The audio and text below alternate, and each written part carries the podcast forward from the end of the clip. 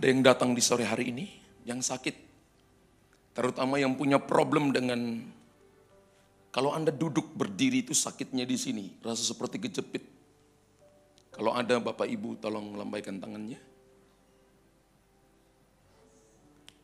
Kalau ada Bapak Ibu yang kalau duduk berdiri, Tuhan kasih tahu saya ada dua ibu di tempat ini. Yang ketika duduk lama berdirinya seperti kejepit di sini. Ya, di tengah-tengah seperti ini. Kalau ada tolong lambaikan. Ada dua ibu di sini. Tolong angkat tangan tinggi. Angkat tangan tolong keluar dari kursinya. Oke. Oh, ya. Oke. Tolong teman-teman kecer bantu saya dengan cepat. Silakan Ibu.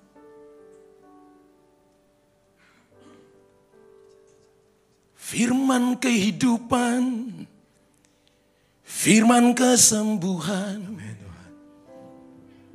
firmanmu yang kami nantikan, sanggup menyembuhkan setiap kami, sanggup menyembuhkan setiap sakit kami. Sore ini kami datang padamu. Berseru pada namamu Sang firman yang hidup. Jamahanmu Tuhan. Jamahanmu. Kidipinamo tide Shanamo nurie Pinamo namo rilibinane Inamono. Tolong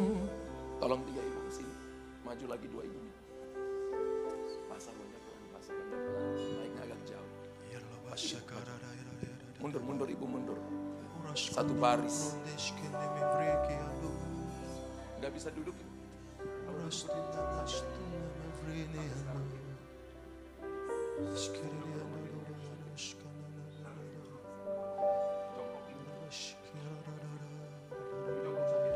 Duduknya sakit. Duduk bangun sakit. Karena bertiganya sama gandeng tangan. Gandeng tangan, gandeng, gandeng. Tutup matanya. Aku lepaskan kesembuhan kepada ketiga ibu ini. Aku katakan bagian kelemahan tubuh, roh kelemahan tubuh. Hari ini aku katakan out dalam nama Yesus. Dan aku katakan kesembuhan. Semua kejepit urat, sel yang tidak bisa berfungsi dengan normal. Kalau duduk sakit, berjalan sakit, duduk berdiri sakit. Kalau duduk lama sakit, berdiri lama sakit. Aku katakan kesembuhan saat ini. Dan aku lepaskan kuasa pemulihan, kuasa kesembuhan. Dan setiap tanaman yang tidak ditanam oleh Bapa di sorga, aku cabut sampai ke akar-akarnya. Dan aku katakan saat ini, heal, sembuh dalam nama Yesus, sembuh dalam nama Yesus, sembuh dalam nama Yesus. Terima kesembuhan itu ibu, terima kesembuhan itu. Terima kesembuhan itu, terima, terima kesembuhan itu, terima. Terima kesembuhan itu, terima kesembuhan itu. Dalam nama Yesus, dalam nama Yesus, dalam nama Yesus. Biarkan dia. Ini.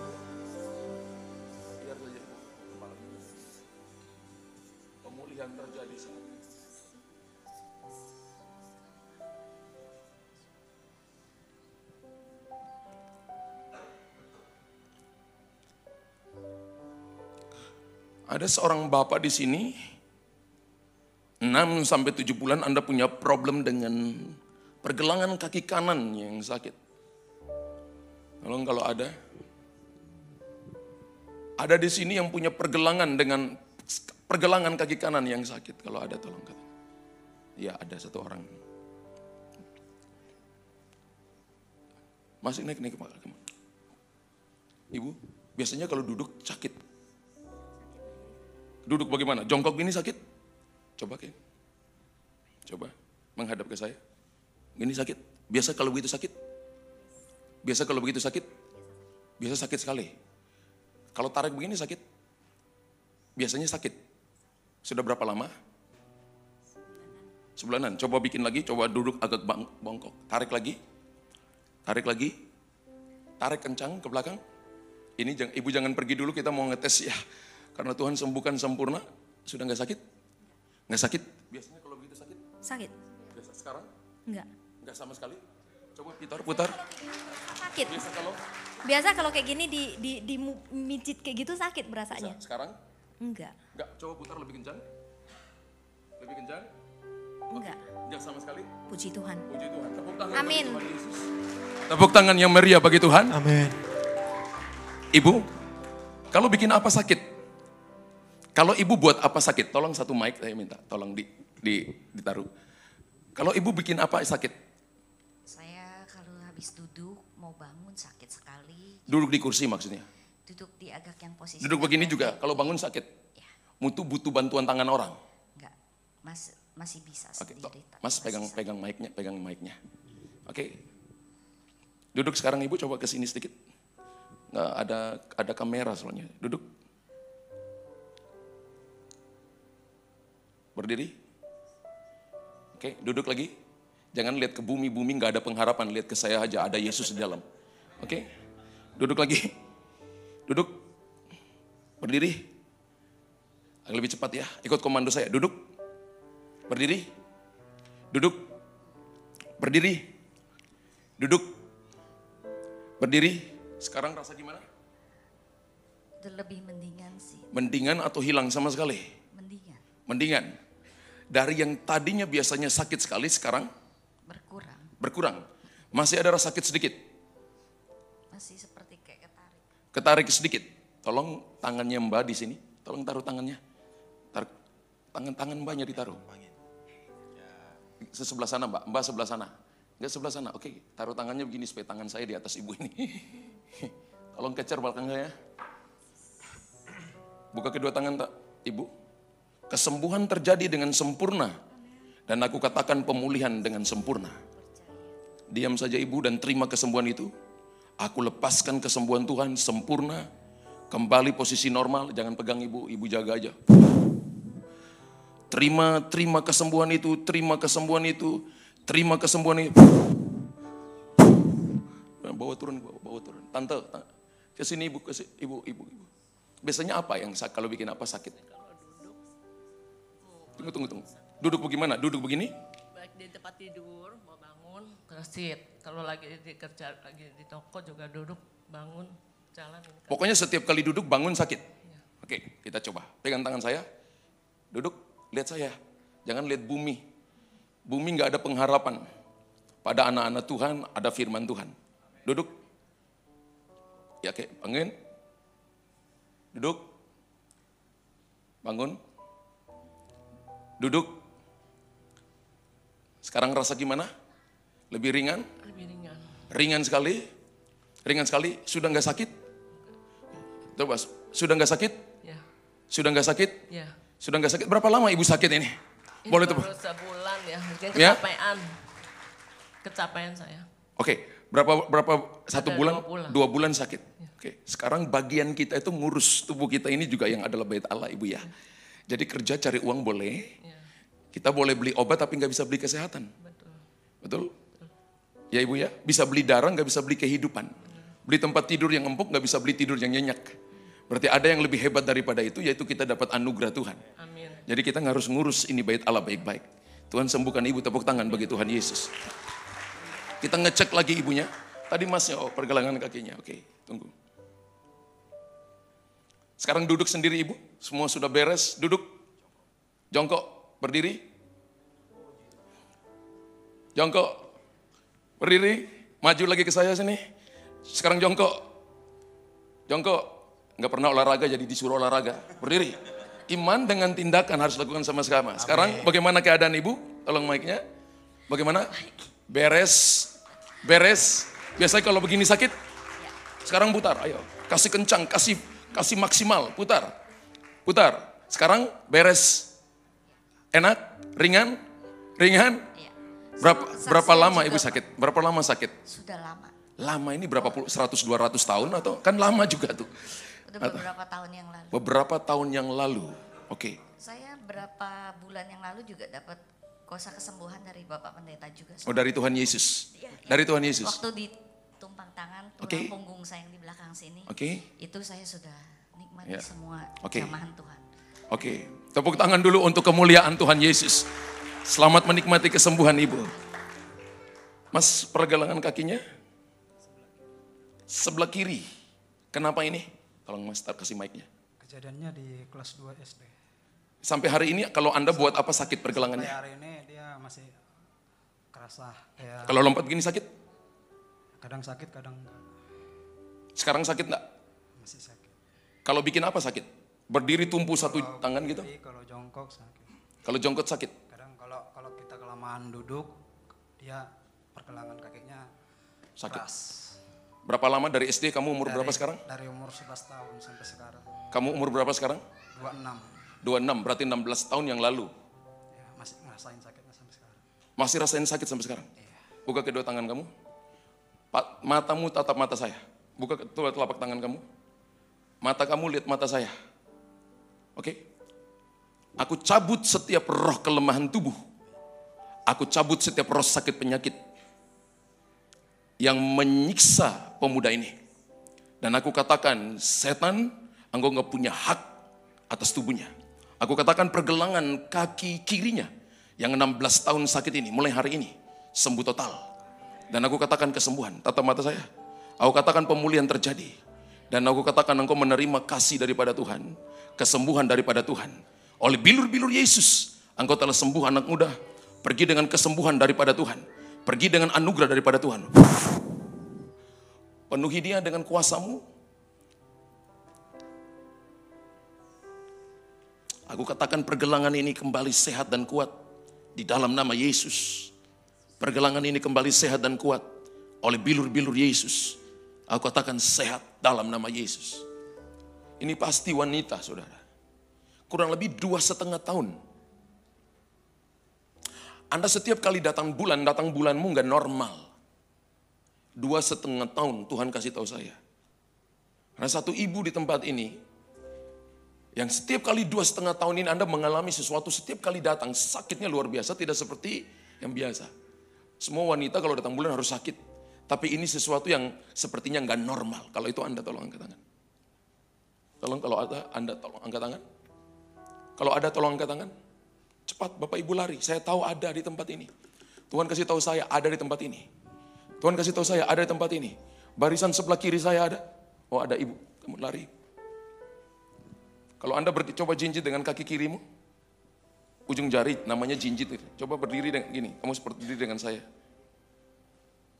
Biasa kalau begitu. Oke? Masih sakit? Masih sakit?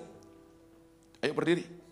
Nah, kamu jinjit gini, kamu ikut saya jinjit turun, jinjit turun, jinjit turun.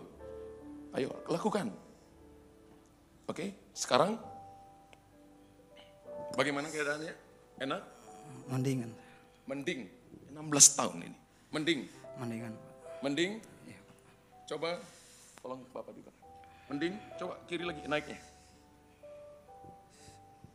Masih sakit. Masih sakit? Aku katakan kesembuhan bagi engkau. Penuhi dia. Dia di bawahnya. Ibu selama dua setengah tahun, dua setengah tahun begini.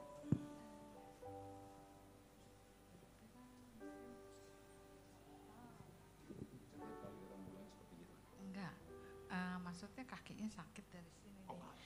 Selengkangan. Bukan bukan yang tadi Tuhan bicara. Yang mana? Maksudnya pinggang. Bagian apa? Oke, oke, oke, oke. Ibu karena ibu maju ke depan dapat anugerah dari Tuhan. Buka kedua tangan ibu. Masalahnya di mana? Pinggang dan kaki. Oke.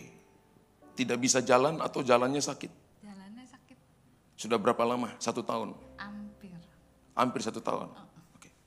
Tutup mata ibu. Aku lepaskan kesembuhan bagi ibu ini.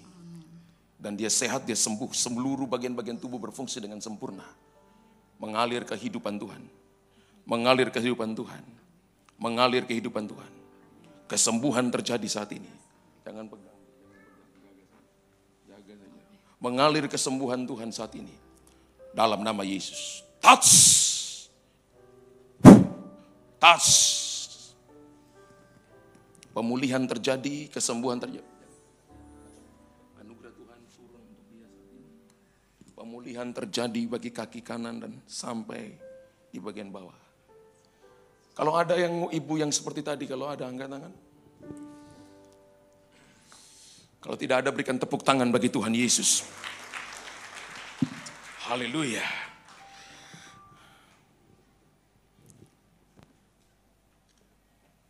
Berapa banyak Anda yang menikmati hadirat Tuhan malam ini? Malam ini memang spesial untuk KKR saudara. Spesial untuk kesembuhan dan pemulihan. Anda harus datang dengan kerinduan hati yang luar biasa untuk Anda mengalami perkara-perkara hebat dari Tuhan. Haleluya. Mari kita baca dalam Markus pasal 10 ayat 46 sampai 52. Markus pasal 10 ayat 46 sampai 52. Yesus menyembuhkan Bartimeus. Lalu tibalah Yesus dan murid-muridnya di Yeriko. Dan ketika Yesus keluar dari Yeriko bersama-sama dengan murid-muridnya dan orang banyak yang berbondong-bondong, ada seorang pengemis yang buta bernama Bartimeus, anak Timeus duduk di pinggir jalan. Ketika didengarnya bahwa itu adalah Yesus, orang Nazaret, mulailah ia berseru, Yesus anak Daud, kasihanilah aku.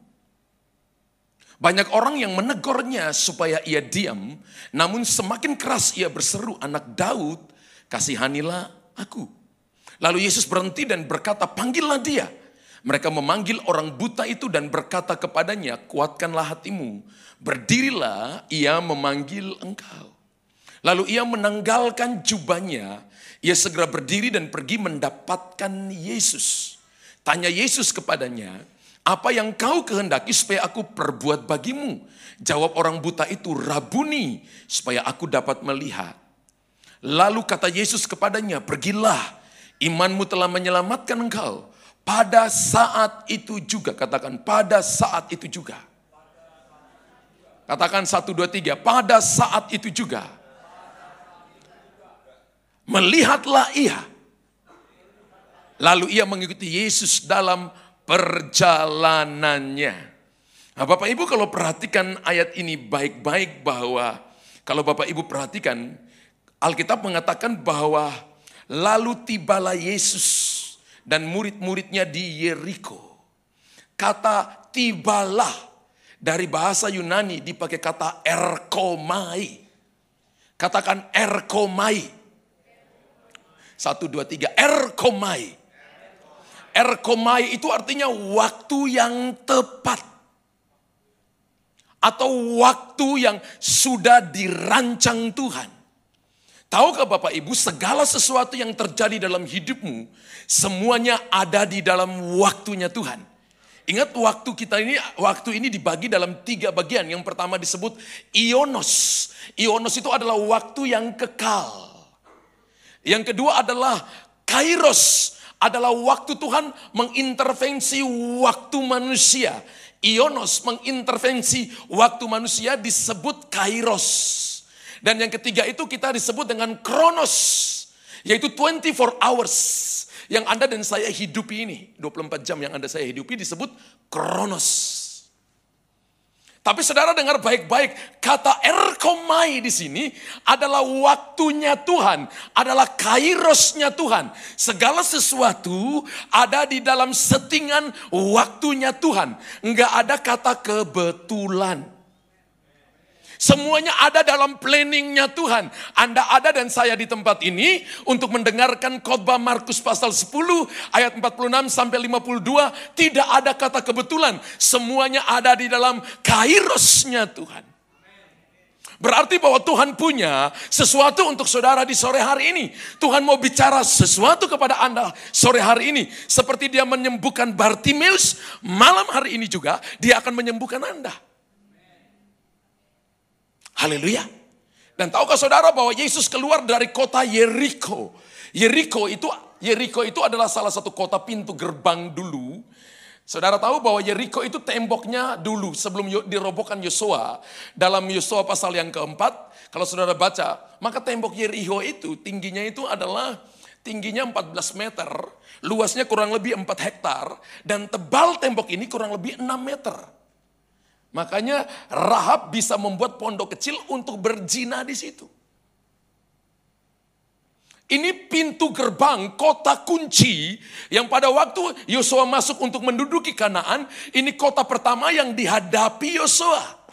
Tapi tahukah saudara bahwa tembok Yeriho ini roboh dengan doa pujian dan penyembahan Israel. Dengan mereka mengelilingi tembok Yeriho berapa kali? Berapa kali?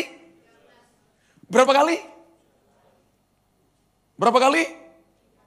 Ada yang bilang tujuh. Ada yang bilang lima belas kalau nggak salah. Ada yang bilang 13, yang betul yang mana? Yang betul enam hari satu kali, hari ketujuh tujuh kali. Berapa belas kali? 13 kali. Apakah angka 13 itu angka sial? Angka 13, angka keberuntungan Yosua. 13 tahun Yusuf jadi mangku bumi. Mangku bumi berat banget. Saudara dengar baik-baik. Alkitab mengatakan begini, Yesus keluar dari Yeriko. Yeriko artinya indah mulia. Arti nama yang pertama Yeriko, arti nama kedua dari Yeriko adalah bau harum. Tuhan mau saudara dan saya membawa keharuman Kristus. Ke mana pun Anda dan saya pergi. Itu berarti begini, kehidupan saudara dan saya nggak boleh cuma ada di pintu gerbang, tapi saudara dan saya harus ada menjadi warga kerajaan Allah. Tekan amin. Karena gini, waktunya Tuhan bagi saudara, Anda dan saya dirancang untuk mengalami perkara-perkara hebat di dalam waktunya Tuhan. Saudara ada banyak orang berkata begini bahwa orang itu sukses karena aku nggak sukses. Kenapa dia berhasil, aku tidak berhasil. Kenapa dia maju, aku tidak maju. Dengarkan saya baik-baik.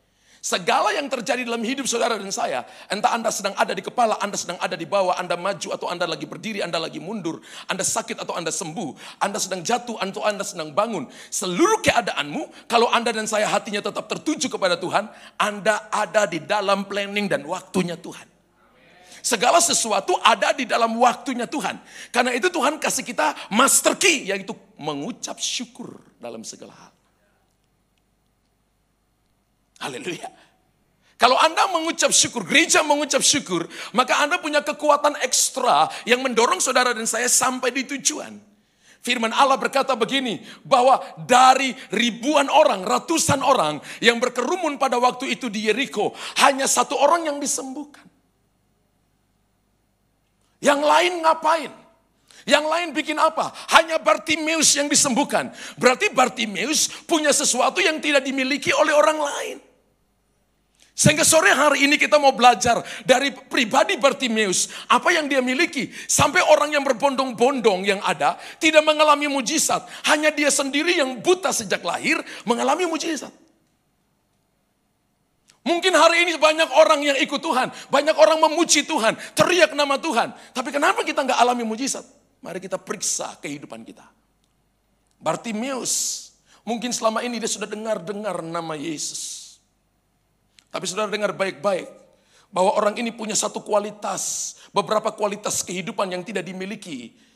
Oleh beberapa orang yang ada di tempat itu. Yang pertama, kesembuhan terjadi kepada Bartimeus, kepada kita waktu kita mau berseru pada Yesus dalam doa. Sekali lagi, kesembuhan terjadi pada Bartimeus, kesembuhan terjadi pada kita kalau kita mau berseru kepada Yesus dalam doa. Tadi saya berkata kata tiba artinya erkomai. Saudara tahu ketika Tuhan ada di tempat ini, Tuhan mau tunggu teriakan saudara. Firman Allah berkata satu-satunya orang yang teriak Yesus dengan kencang, dengan keras cuma Bartimeus. Dia waktu tanya gini, waktu dia, ber, dia, dia orang berkata itu Yesus anak Daud. Alkitab berkata, maka dia berseru, Yesus anak Daud, kasihanilah aku. Dia berteriak keras, dia akan buta saudara, nggak lihat kiri kanan siapa yang ada di kiri kanan, muka belakang. Saya bayangkan waktu dia berteriak mungkin mulutnya persis di telinga Petrus. Nah Petrus ini paling suka cepat bereaksi. Alkitab mengatakan bahwa murid-muridnya marah kepada Bartimeus. Haleluya. Tapi dia nggak pusing, dia tetap berteriak. Saudara dengar baik-baik, orang yang berseru kepada Tuhan siang dan malam, maka Tuhan tidak akan menunda-nunda untuk menolong orang-orang yang berseru dia kepada dia siang dan malam. Kalau Anda berseru kepada Tuhan, maka dia akan menjawab engkau segera. Kalau Anda berteriak kepada Tuhan, maka dia Bapa yang baik, dia akan menjawab teriakan minta tolongmu dari tempat yang maha tinggi. Katakan haleluya. Gereja dengarkan saya baik. Problemnya adalah Anda tidak mau berseru. Banyak kali kita titip doa, Pak tolong titip doa. Saya beritahu itu roh Herodes. Roh Herodes titip doa. Titip doa, suruh Yesus berdoa bagi dia. Ada yang suka titip-titip doa? Anda nggak punya hubungan pribadimu dengan Tuhan. Gereja dengarkan baik-baik. Ternyata rahasia untuk Tuhan menjawab kita adalah berseru-seru. Mazmur 106 ayat 1 sampai ayat yang ke-20 berkata, Ketika ada masalah, ketika ada sakit penyakit, ketika gelombang datang, ketika kegelapan datang, ketika Anda ada di padang gurun, tidak tahu jalan pulang, maka rahasianya sampai lima kali. Alkitab mengatakan, berseru-serulah mereka dalam kesesakan mereka, maka Tuhan meluputkan mereka. Haleluya. Mazmur 106 ayat 20 ayat yang terkenal, 106 atau 107. Ayat yang ke-20 ayat yang terkenal berkata begini. Ada orang yang menjadi sakit oleh karena kelakuan mereka yang berdosa. Disampaikannya firman, maka disembuhkannya mereka, diluputkannya mereka dari liang kubur. Amin. Ternyata berseru-seru adalah salah satu prinsip daripada doa. Kata yang dipakai di sini, kata dipakai di sini kata berseru-seru dipakai kata tehila. Bapak Ibu harus tahu begini bahwa kitab Mazmur itu disebut dengan kitab tehila atau disebut dengan kitab tehilim.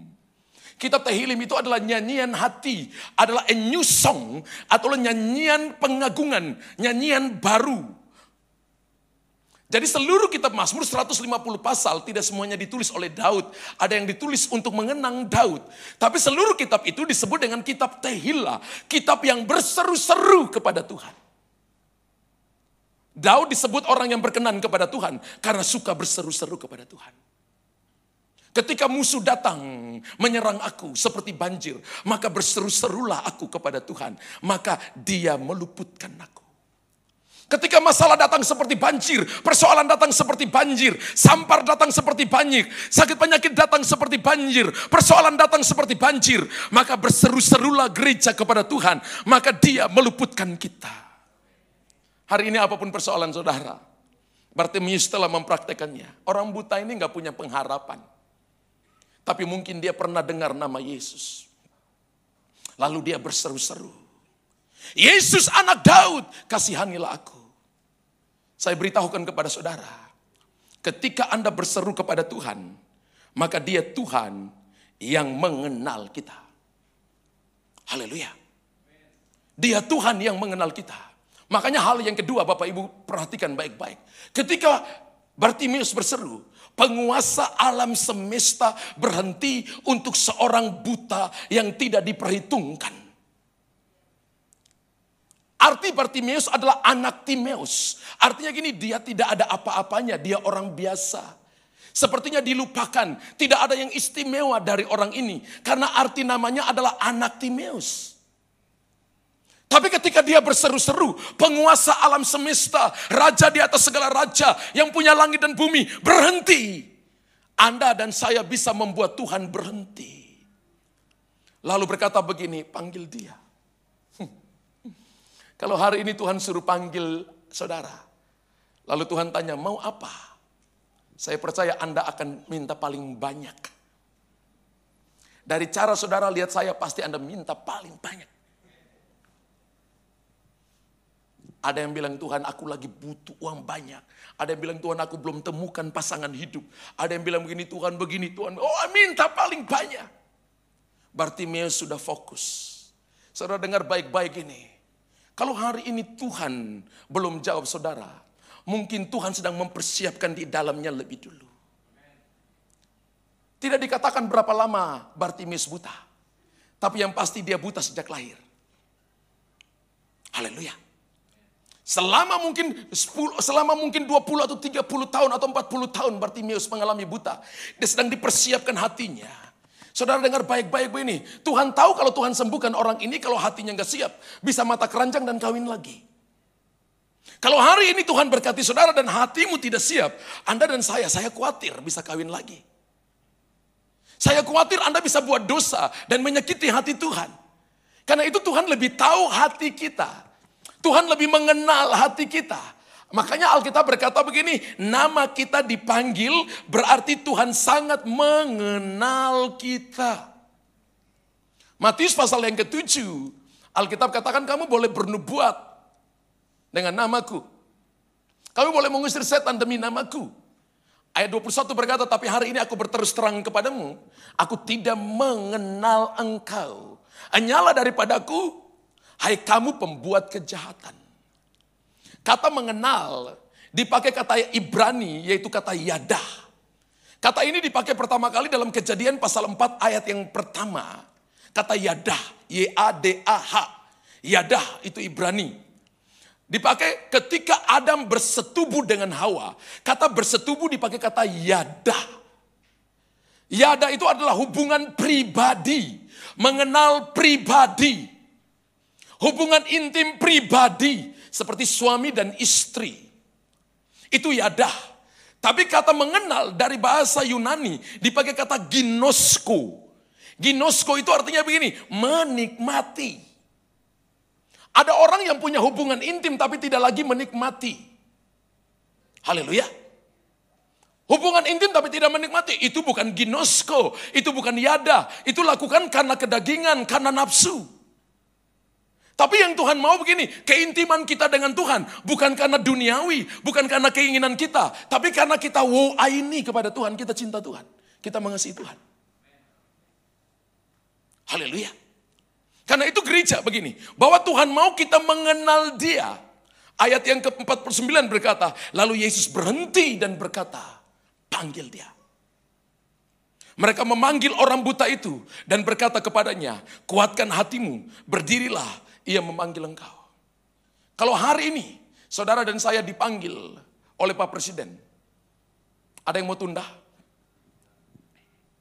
Saya percaya Anda akan geser seluruh kegiatan Anda, jadwal saudara, lalu Anda persiapkan jasmu yang terbaik, sepatu yang terbaik, sisi rambu yang terbaik, parfum yang terbaik, senyum yang terbaik, cara jalan yang terbaik, karena besok Anda akan menghadap Bapak Presiden Jokowi. Anda di depan cermin, Anda coba kasih cara salamannya.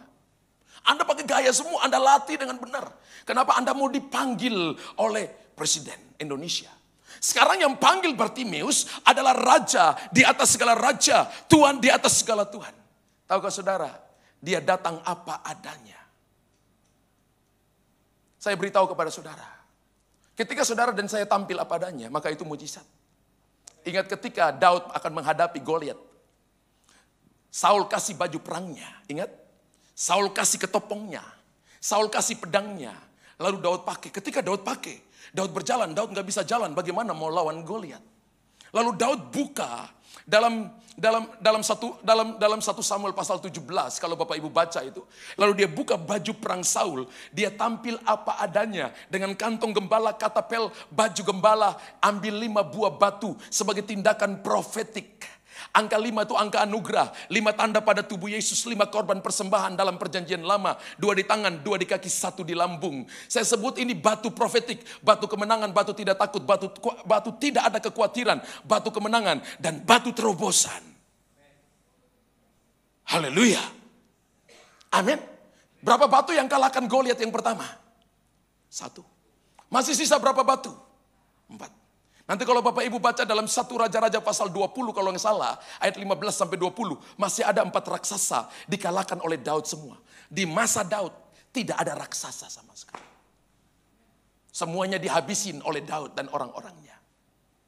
Gereja dengarkan saya baik-baik. Ketika Anda datang, maka Tuhan berkata begini, kamu adalah putraku, kamu adalah anakku. Dia mengenal saudara apa adanya. Hari ini mungkin saudara dan saya orang lain menghina saudara. Tenang. Orang lain menyingkirkan saudara. Orang lain katakan kamu punya bukan punya bagian. Tenang. Bagian kita sudah ditentukan oleh Tuhan. Sudah berkali-kali Anda berseru dan Anda belum lihat mujizat. Orang lain berjalan maju, tapi Anda biasa saja. Semuanya ditentukan dalam waktunya Tuhan. Sebab satu kali Tuhan angkat saudara, maka tidak ada satupun yang menurunkan saudara. Satu kali Tuhan membuka pintu, tidak ada satupun yang sanggup menutupnya. Dan kalau Tuhan menutup, tidak ada satupun yang sanggup membukanya. Karena dia Tuhan dan dialah Allah kita. Tepuk tangan bagi dia. Katakan haleluya. Ketika Tuhan ikut campur tangan, maka nggak ada yang bisa menghalanginya. Panggil dia. Sebuah kehormatan. Seorang yang tidak dianggap di rumah, dibuang di jalan. Berdebu. Jadi beban bagi orang lain. Sekarang disuruh menghadap raja di atas segala raja. Karena itu saya beritahu Bapak Ibu jangan pernah hina siapa pun. Jangan pernah anggap remeh siapa pun. Sebab satu kali Tuhan angkat mereka, kita akan malu sendiri. Mari kita hargai satu dengan yang lain. Masing-masing punya bagian yang sudah ditentukan oleh Tuhan. Ketika kita tahu bagian kita, lakukanlah. Ketika itu bukan bagian kita, jangan ambil bagian orang lain. Tetap ada di jalurnya kita. Berlari masing-masing kepada panggilan surgawi. Karena kita sedang datang kepada Raja di atas segala Raja. Haleluya. Dan saudara lihat begini, ketika hal yang ketiga, ketika Bartimeus mau datang kepada Yesus. Hal yang dia lakukan saya sebut sebagai sebuah tindakan etika kerajaan. Ayat 50, lalu ia menanggalkan jubahnya. Ia segera berdiri dan pergi mendapatkan Yesus. Bapak Ibu ingat baik-baik ketika Yusuf keluar dari dalam penjara. Maka hal yang pertama dia lakukan adalah mengganti bajunya, jubahnya, mencukur rambutnya dan jenggotnya, tanda bahwa dia punya etika kerajaan Allah, meninggalkan masa lalu. Halo. Ingat Bapak Ibu, ketika anak terhilang itu pulang, yang diberikan oleh bapaknya adalah jubah bapaknya sendiri sebagai bentuk penerimaan, cincin sebagai bentuk komitmen, dan sepatu sebagai bentuk kerelaan untuk melayani kembali. Tapi yang hilang dari anak terhilang waktu dia pulang adalah dia nggak punya jubah identitas bapak. Karena jubah dia adalah jubah dari kandang babi. Kenajisan. Saudara dengar ketika kita kembali kepada Tuhan. Kita tuh compang camping. Yang menutupi kekurangan kita itu adalah sang bapa. Karena dia sempurna. Ketika domba hilang, Yesus cari. Ketika dirham hilang, dia cari. Ketika anak terhilang, hilang, dia nggak cari. Kenapa? Putra dan putri dalam rumah sudah punya jiwa. Sudah mengerti, punya pikiran dan perasaan Kristus. Cari. Tidak usah cari, pulang sendiri. Tapi Bapak tunggu.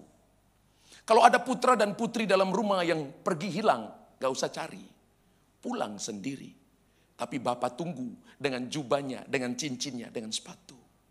Tapi ada yang domba, nggak tahu tangan kiri, tangan kanan, belum tahu kebenaran. Kalau kalau lalat duduk di hidung nggak bisa tepiskan. Kalau tidur nggak bisa bangun sendiri. Kalau ada jerawat, Bapak Gembala, tolong doain jerawat. Kalau hilang, cari itu domba.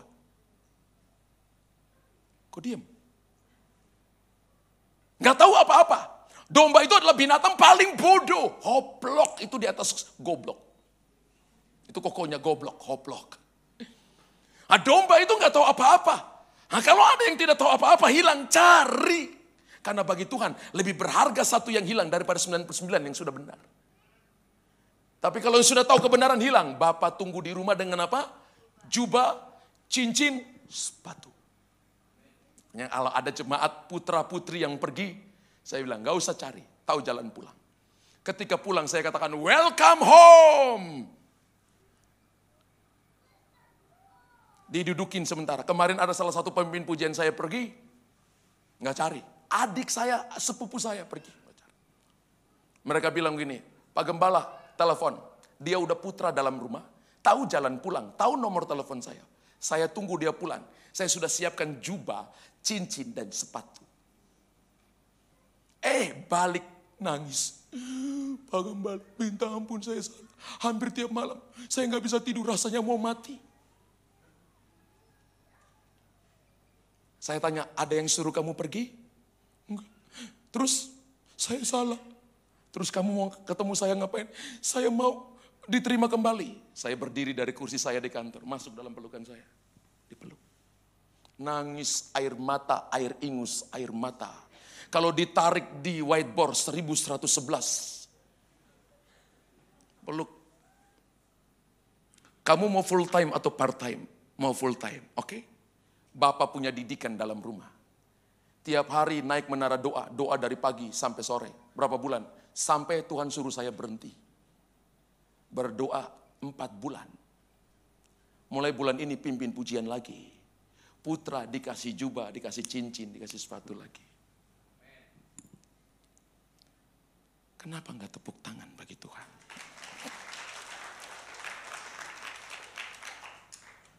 Haleluya. Kenapa saya begitu? Saya dulu sakit hati dengan papa saya. Dan untuk bicara baik dengan papa saya susah sekali. Dan saya 20 tahun di bawah pengembalaan. Saya belajar daripada orang senior-senior saya. Bagaimana saya lihat orang-orang yang nakal, yang tinggal dan pinjam uang. Dia nggak punya anak, nampung orang di rumah. Pak, Bapak Gembala Pak Mersudit kenal Pak Franky Utana ya? Ada yang kenal Pak? Itu nggak punya anak, tinggal di Bali. Saudara nggak punya anak, dia pelihara di rumah ada 30 orang. Saudara tahu 30 orang ini bukan orang yang terpelajar. Ini nakal, jahat, di atas jahat itu nggak tahu apa saudara. Ya, pinjam uang, pinjam uang dari jemaat puluhan juta atas nama Bapak Pendeta ini. Lalu ketahuan lari saudara. Lalu akhirnya saya panggil om. Saya bilang, om gimana? Ya om cicil. Cicil, cicil, cicil, cicil. Lunas. Setelah lunas, dia telepon, om saya salah om. Bisa saya kembali ke rumah? Dia bilang, saya mangkal. Karena saya cicil puluhan juta saya nggak pakai. Tapi Tuhan bilang, kamu siapa? Ayo terima lagi. Eh terima lagi. Lalu saya dipertontonkan setiap hari dengan seperti itu. Dan saya lihat ini, wow. Saya belajar, nggak mudah. Nggak mudah. Tapi itu hati Bapak. Mungkin Anda di sini nggak diterima oleh orang tua. Tapi Anda bisa mempraktekkan Mazmur 27 ayat 10. Sekalipun ayahku dan ibuku meninggalkan aku. Namun Tuhan menyambut aku. Katakan haleluya. Amin. Beberapa orang uh, hampir dua tahun yang lalu salah satu pekerja orang yang awal dengan saya. Dengan istrinya mulai dipakai Tuhan, mulai dipercayakan, mulai khotbah dan sebagainya. Bergerak dengan karunia-karunia, kesembuhan, nubuatan. Eh tiba-tiba mulai buat gereja sendiri di rumah. Satu tahun sudah jalan, bikin rekening sendiri, lalu saya datang, saya dikasih tahu sama pekerja. Pak Gembala tahu nggak? Lu ini loh bendahara bendahara dua bapak tuh bikin. Hah? Oh ya, saya telepon, katanya ada ibadah di rumah jam berapa? Jam 5. Oh, saya jam 5 mau turun ke rumah. Ibadahmu di mana? Di rumah saya datangi. Saya datang lagi khotbah. Eh, kami serahkan ke Bapak Gembala. Kamu khotbah aja, saya duduk. Akhirnya dia tutup, serahkan ke saya. Saya tanya, ini mau jadikan gereja atau apa ya? Kalau jadikan gereja, saya blessing Anda. Saya berkati saudara. Oh tidak pak, kita cuma persekutuan doa. Jangan bikin hari minggu. Bikin hari lain, saya tawarkan diri saya jadi pembina saudara. Iya pak, eh janjinya nanti mau bikin hari lain. Ternyata bendahara saya satu lapor, pak. Mereka tetap ibadah minggu, saya panggil. Mulai sudah dua kali saya panggil empat mata. Kalian tidak ada lagi dalam struktur, jadi jemaat biasa. Mereka keluar saudara. Setelah keluar, satu tahun kemudian, saya suruh penatua saya ketemu, ngomong baik-baik. Dia bilang begini, sekalipun dipaksa, ditaruh pistol di kepala saya, saya tetap buka gereja. Satu tahun kemudian kena kanker di kepala. Saya pergi doa. Saya pergi doa, mereka belum ngaku. Setelah itu kemudian suami istri ketemu saya di rumah ngaku kesalahannya aku dosa. Saya berdoa. Lalu mereka bilang nih Pak, kalau kita kembali Bapak terima enggak? Saya bilang welcome. Istri saya peluk istrinya, saya peluk laki-lakinya, saya peluk. Kembali, kembali pulang ke rumah mereka dipulihkan. Tapi satu tahun kemudian istrinya meninggal. Itu ketua profetik saya pergi, bawa orang. Saudara tahu dia kembali, dua tahun kembali, setelah satu tahun kembali. Saya kasih posisi lagi sekarang ini jadi ketua profetik. Beberapa teman-teman saya bilang saya, bodoh kamu. Sudah tahu orang pernah pergi. Kembali kasih posisi. Saya katakan begini, Tuhan saja kasih kita kesempatan kedua. Mari kita belajar kasih kesempatan. Siapa tahu dengan itu dia belajar sesuatu. Kenapa nggak tepuk tangan begitu? Kita harus menanggalkan jubah lama kita. Buka ayat terakhir. Sakaria pasal 3 ayat 1 sampai ayat yang kelima. Sakaria pasal 3 ayat 1 sampai 5. Kemudian ia memperlihatkan kepadaku imam besar Yosua berdiri di hadapan malaikat Tuhan. Sedang iblis berdiri di sebelah kanannya untuk mendakwa dia. Lalu berkatalah malaikat Tuhan kepada iblis itu, Tuhan kiranya menghardik engkau, hai iblis, Tuhan yang memilih Yerusalem, kiranya menghardik engkau. Bukankah dia ini puntung yang telah ditarik dari api? Adapun Yosua mengenakan pakaian yang apa? Pakaian yang kotor. Ingat Yosua ini siapa? Imam besar. Memakai pakaian yang kotor waktu dia berdiri di hadapan malaikat Tuhan yang memberikan perintah kepada orang-orang yang melayaninya, tanggalkan pakaian yang kotor itu daripadanya. Dan kepada Yosua ia berkata, lihat dengan ini aku telah menjauhkan kesalahanmu daripadamu. Aku akan mengenakan mengenakan kepadamu pakaian apa? Pesta. Ayat yang kelima. Kemudian ia berkata, taruhlah serban tahir pada kepalanya. Maka mereka menaruh serban tahir pada kepalanya dan mengenakan pakaian kepadanya. Sedang malaikat Tuhan berdiri di situ. Saudara kalau perhatikan ini maka yang terakhir adalah tadi Bartimeus sebelum ketemu Yesus maka dia perlu melepaskan jubah lamanya. Dan jubah lamanya menurut Sekaria pasal yang ketiga ayat 1 sampai 5 itu gambaran kesalahan, gambaran daripada dosa, gambaran daripada perbuatan masa lalu. Tapi saudara dengar baik-baik, pakaian itu juga berbicara tentang alam roh. Sakaria lihat imam besar Yosua ini di mana? Alam roh. Haleluya. Saya mungkin bisa berdiri dengan pakaian yang bagus seperti ini, tapi di alam roh bisa dilihat belum tentu seperti ini. Bisa saja pakaian saya kotor, ada perbuatan-perbuatan dosa, ada perbuatan-perbuatan salah. Kita mungkin bisa berpakaian baik, tapi belum tentu di alam roh waktu Tuhan buka mata kita. Pakaian selalu berbicara tentang alam roh. Karena itu Bartimus mengambil sebuah tindakan, melepaskan jubah lamanya. Pakaian juga menentukan kemurahan yang akan kita terima dari Tuhan. Amin. Esther mau ketemu Ahasiweros, dia berpakaian permasuri. Ketika Raja melihat Esther, peraturan media dan Persia, kalau dalam waktu 30 hari tidak dipanggil Raja nggak boleh datang, hukumannya cuma satu mati. Kecuali Raja mengulurkan tongkat emas sebagai tanda perkenanan. Esther mengenakan pakaian permasurinya dan berdiri di hadapan daripada takhta raja. Ketika raja melihat Esther, maka dia mengulurkan tongkat perkenanannya dan berkata, "Apa maumu daripadaku hai ratu? Setengah kerajaan pun aku berikan kepadamu." Ingat kerajaan Ahasiweros, media Persia itu adalah dari Ethiopia sampai India 127 negara bagian. Bagi dua Esther kaya raya. Dia nggak mau setengahnya bagian, dia mau hati raja. Kalau dia dapat hati raja, dia dapat semuanya. Saudara jangan mau setengah bagian, jangan mau cuma di tangan raja, cari hati raja. Kalau Anda dapat hati raja, Anda dapat semuanya. Katakan haleluya. Amin. Nah, saudara Alkitab berkata begini, itu menentukan kemurahan. Pakaian juga berbicara tentang apa? Pakaian juga bicara tentang instrumen kesembuhan. Bapak Ibu ingat, wanita pendarahan 12 tahun ketika dia berkata begini, asal saja ku jama jumbai jubah Yesus, aku akan sembuh. Asal saja.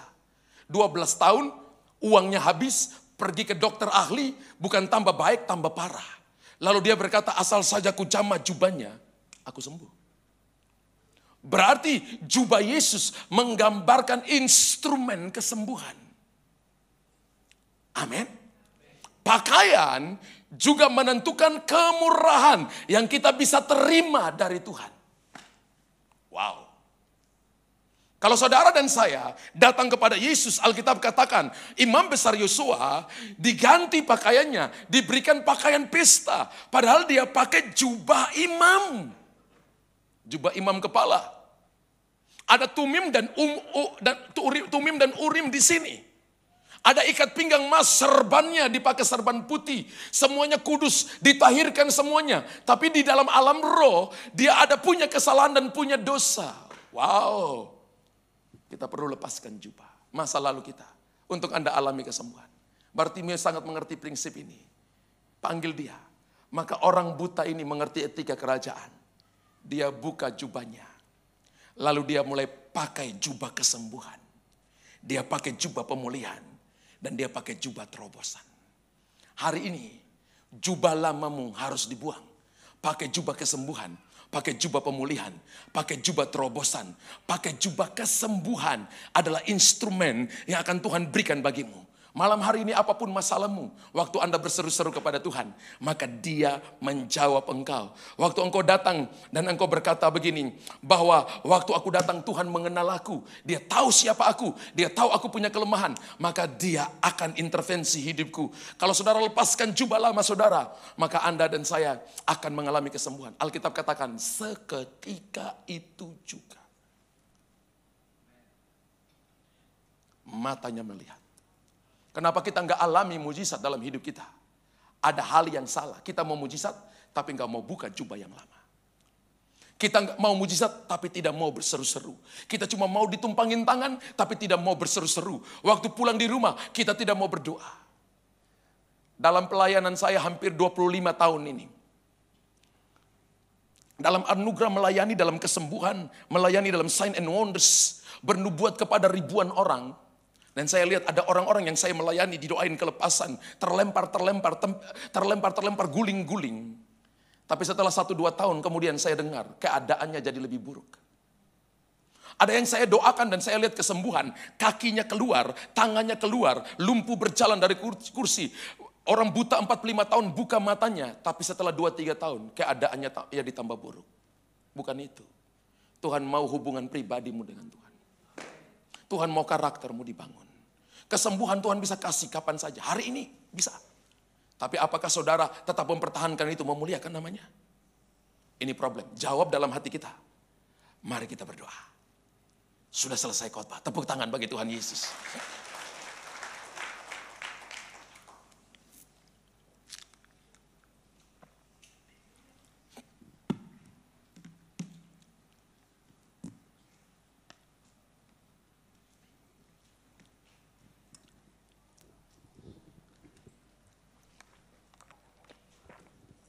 Mari kita bangkit berdiri Bapak Ibu. Jesus. Dia mau lakukan perkara hebat untuk saudara malam ini. Berapa banyak saudara yang katakan gini, saya mau datang berseru-seru kepada Tuhan. Saya mau panggil namanya. Mungkin selama ini Anda jarang panggil namanya. Anda minta orang lain berdoa bagi saudara. Ini bukan masalah orang lain, ini masalah Anda dengan Tuhan. Ini masalah pribadimu dengan Tuhan. Bartimius tahu bukan orang lain yang marah dia. Bukan.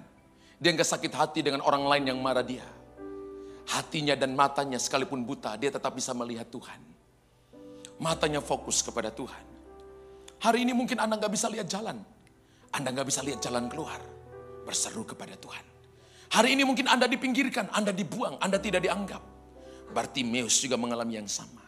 Tapi dia tahu dia datang kepada Tuhan yang selalu mengangkat orang-orang yang dibuang. Banyak kali dunia membuang kita.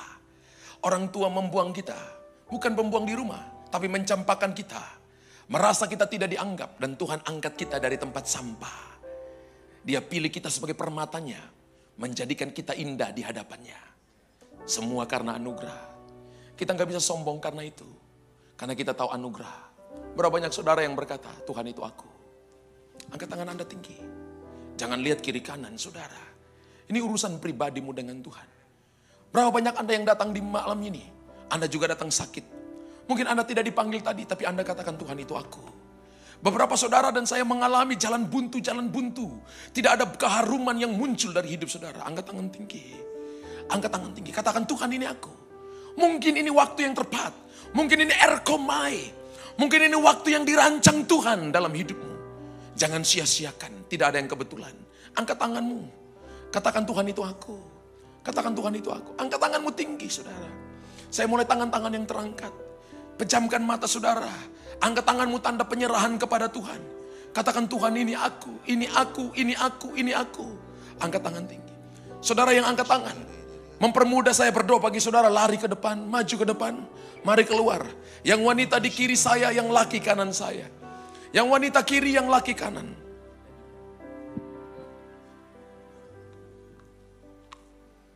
Ku yakin kau hadir di sini.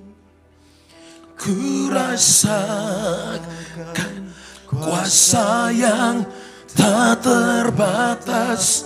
Ku yakin kau nyata di sini. Kemenangan terjadi di sini. Ku yakin kau hadir di sini. Ku rasakan kuasa yang tak terbatas. Ku yakin kau nyata di sini. Kesembuhan. Kesembuhan terjadi di sini. Ku yakin kau hadir di sini. Ku rasakan kuasa yang tak terbatas. Ku yakin kau nyata di sini. Kelepasan. Kelepasan terjadi di sini. Ku yakin engkau hadir di sini. Ku rasakan kuasa yang tak terbatas. Ku yakin kau nyata di sini. Kemenangan terjadi di sini. Saudara yang maju di depan, pejamkan mata saudara. Yang sudah berkata-kata dengan bahasa roh, berbahasa roh. Buka mulut saudara, berseru kepada Tuhan. Alkitab mengatakan semua orang berseru kepada Tuhan. Maka Tuhan menjawabnya. Adakah dia menunda untuk menolong orang-orang benar yang berseru kepadanya siang dan malam? Jawabannya tidak menunda. Saudara yang tidak berseru kepada Tuhan. Berseru kepada dia. Saya minta tolong para kecer. Bantu wanita masih kurang. Mari tolong bantu ke depan. Buka hati saudara. Buka hati saudara. Ada yang datang dengan sakit. Ada yang datang dengan problem. Ada yang datang dengan tekanan. Ada yang datang dengan pergumulan. Ini waktu Tuhan dalam hidupmu. Ini waktu jawaban Tuhan dalam hidupmu. Bapak Ibu yang kecer, jaraknya dari dari dada saudara satu jengkal tambah empat jari. Kalau orangnya semakin besar dengan saudara, jaraknya diperpendek satu jengkal, jangan dipegang. Ketika orang jatuh, taruh di dada, mundur beberapa langkah, masukin tangan di bawah ketiak turun. Oke? Kita bisa handle orang dengan cepat. Haleluya. Jangan dari samping, berat badan orang akan buat bapak ibu terkilir. Dan orang juga bisa berbahaya jatuhnya ke bawah. Jaraknya jangan jauh. Oke bapak ibu, yang kecer jangan pejamkan mata. Buka mata. Jesus. Bapak-bapak, ibu-ibu gandeng tangannya. Kuramato siki narato sonoko mata kapatos. Enamaturitis. Emato soko patus initis sinarata sinato kuritis. Emarabato soko mata kiripitis sana kapa. Buka hati saudara. Buka mata Bapak Ibu lihat saya di depan. Saya percaya bahwa jubah Yesus adalah instrumen kesembuhan. Saya akan pakai jubah saya sebagai tindakan profetik. Ketika jubah ini saya kebaskan, maka bersamaan itu juga pengurapan Tuhan akan turun bagi saudara. Yang sakit, yang terikat, Tuhan lepaskan saudara. Saudara siap? Ibu-ibu siap di depan? Bapak-bapak siap buka hati saudara. Panamotus sini bibis. Tutup mata saudara. Tuhan turun dengan pengurapanmu. Jubah ini sebagai tindakan profetik. Alirkan kuasamu. Meneguhkan firmanmu. Dalam nama Yesus.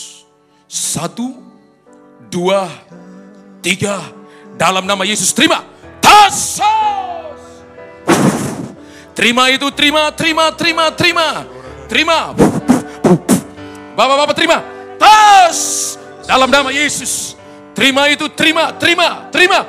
Tas, tas, tas, tas, tas, tas. Nyanyi Pak, nyanyi. Sayang tak terbatas. Ku yakin kau nyata Di sini. Kesembuhan terjadi di sini. Ku yakin kau hadir di sini Ku rasakan kuasa yang tak terbatas. Ku yakin kau nyata di sini Kelepasan, kelepasan terjadi di sini. Ku yakin kau hadir di rasakan kuasa yang tak terbatas Ku yakin kau nyata di sini. Kesembuhan, kesembuhan terjadi di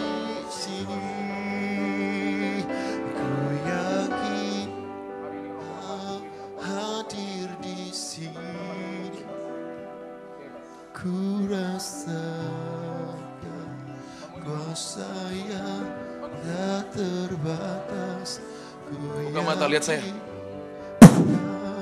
Anugerah Tuhan turun saat ini.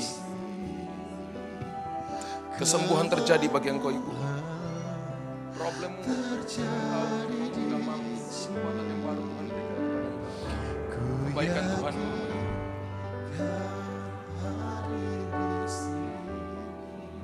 Orang lain salah mengerti tentang engkau.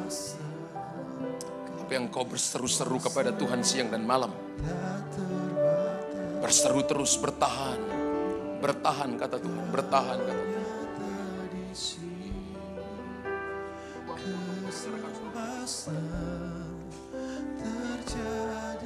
Terima ini.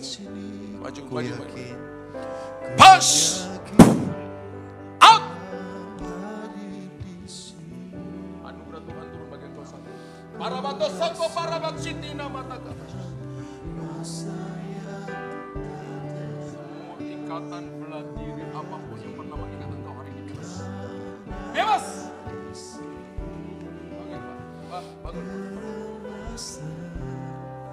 Lihat saya. Touch! Anugerah Tuhan turun saat ini. Penuhi dia. Penuhi dia, penuhi dia, bebaskan dia. Bebaskan dia. Bebaskan dia. Darah Yesus. Penuhi, penuhi, penuhi. Suatu tanggung jawab besar Tuhan akan taruh dalam pundakmu. Dan engkau tidak berjalan mundur. Kalau engkau berjalan mundur, untuk engkau lompat lebih tinggi. Kalau ada kemunduran beberapa langkah, nggak usah takut. Kalau engkau berjalan turun karena engkau mau naik. Kalau ada pengurangan, maka ada penambahan. Kalau ada pembagian maka ada perkalian. Itu matematikanya Tuhan dalam hidupmu. Tidak perlu khawatir. Keadaanmu akan baik-baik saja kata Tuhan. Anugerah Tuhan turun dalam hidupmu. Dalam nama Yesus. Kasih karunia Tuhan turun. Bas, nabarabas. hampiri tata kasih karunia Yang kacamata ini loh. Kaki kenapa? kekuatanku Enama toko martika marapato suki matari dinasone. Maramato ko matari di kisiki mato kori di sina mato kori ana mata karabas. Arabas yato di di mitis. Katakan dalam nama Yesus. Segala ikatan ini roh jahat lepaskan ikatanmu dalam nama Yesus. Dan aku katakan pemulihan terjadi. ku yakin kau hadir di sini ku rasakan kuasa yang tak terbatas ku yakin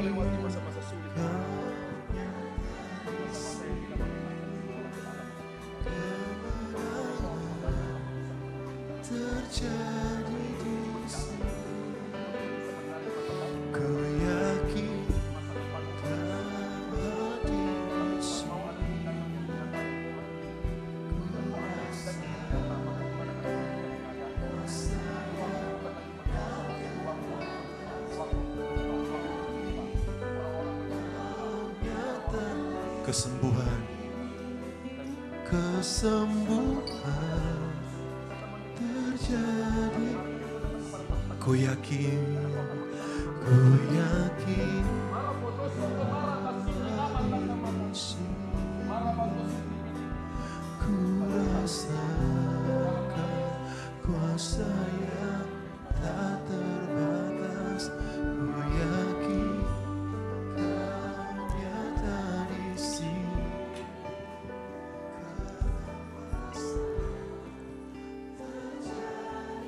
Saya minta anak-anak muda yang umur 35 tahun ke bawah yang ada.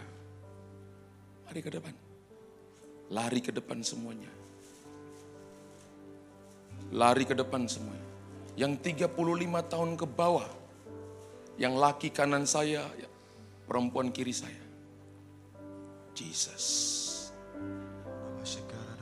Saya tahu bahwa Tuhan sedang mempersiapkan saudara untuk hal yang hebat.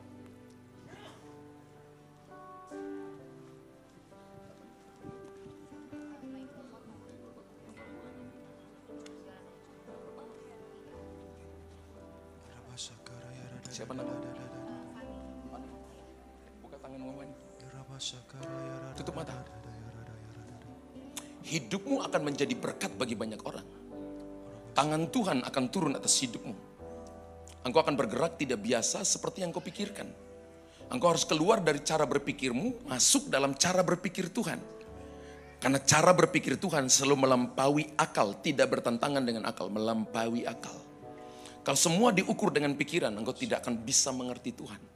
Tapi kalau engkau masuk dalam pikirannya, engkau akan mengalami sebuah keintiman yang luar biasa. Anakmu ini akan menjadi bagian yang akan berbicara banyak kepada kamu dengan suamimu. Dia akan bersuara, dia akan dipenuhi oleh roh Allah sejak dia dalam kandungan. Engkau akan melihat sebuah perubahan besar akan terjadi. Engkau akan menggenapi kitab Yoel pasal yang kedua. Anakmu ini akan menggenapi kitab Yoel pasal yang kedua. Dan dia akan penuh dengan roh Allah.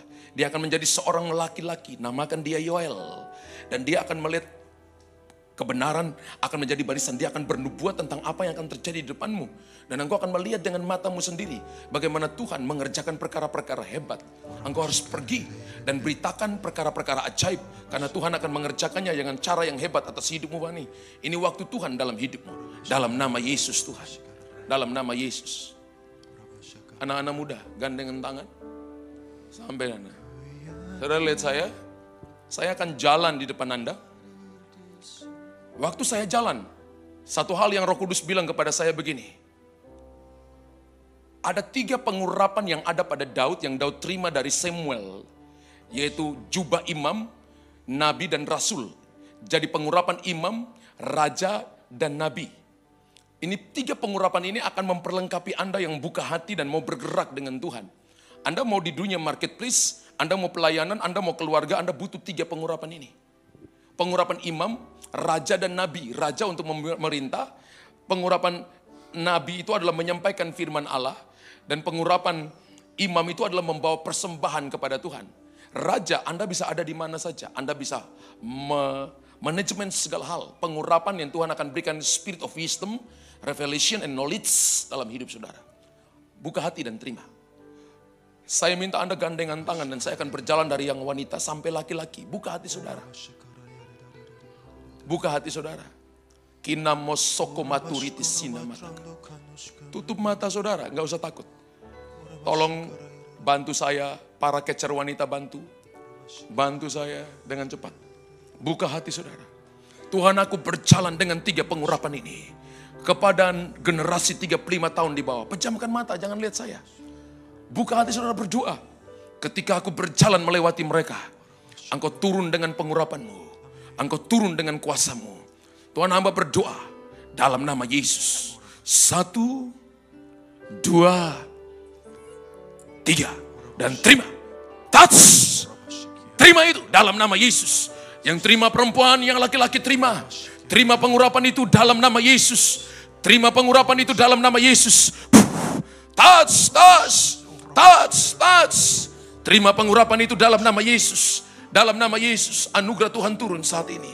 Penuhi mereka, penuhi mereka, penuhi mereka, penuhi mereka. Ada banyak hal yang kau pikirkan anak muda. Tapi pikiranmu harus dimasukin ke dalam pikiran Tuhan. Sebab engkau akan menjadi salah satu penasihat sekalipun engkau muda. Tuhan akan pakai engkau di tempat di mana engkau bekerja. Ada penglihatan-penglihatan secara supranatural yang akan Tuhan taruh dalam pikiranmu. Bersiaplah untuk karunia-karunia itu dalam hidupmu. Pergilah dengan kekuatan yang baru. Pergilah dengan anugerah. Engkau muda, tapi engkau akan berbicara kepada orang dewasa melebihi usiamu. Engkau harus mencari Tuhan sungguh-sungguh. Punya waktu-waktu yang spesial dengan Tuhan. Ini waktu Tuhan dalam hidupmu. Tuhan taruh, ada bagian terbesar yang Tuhan taruh dalam hidupmu. Untuk engkau bergerak bersama dengan dia. Kemampuan Tuhan turun bagi engkau. Kamu maju satu langkah. Buka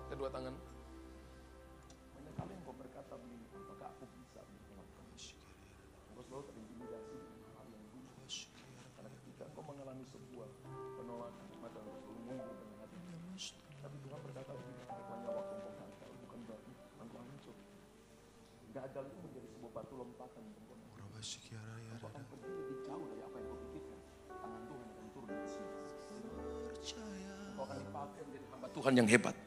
Diutus dari tempat ini untuk perkara-perkara hebat, perkara-perkara ajaib. Terima itu anak muda. Terima itu dalam nama Yesus. Ini waktu di mana fokus kepada Tuhan. Fokus kepada apa yang Tuhan kerjakan. Dalam nama Yesus.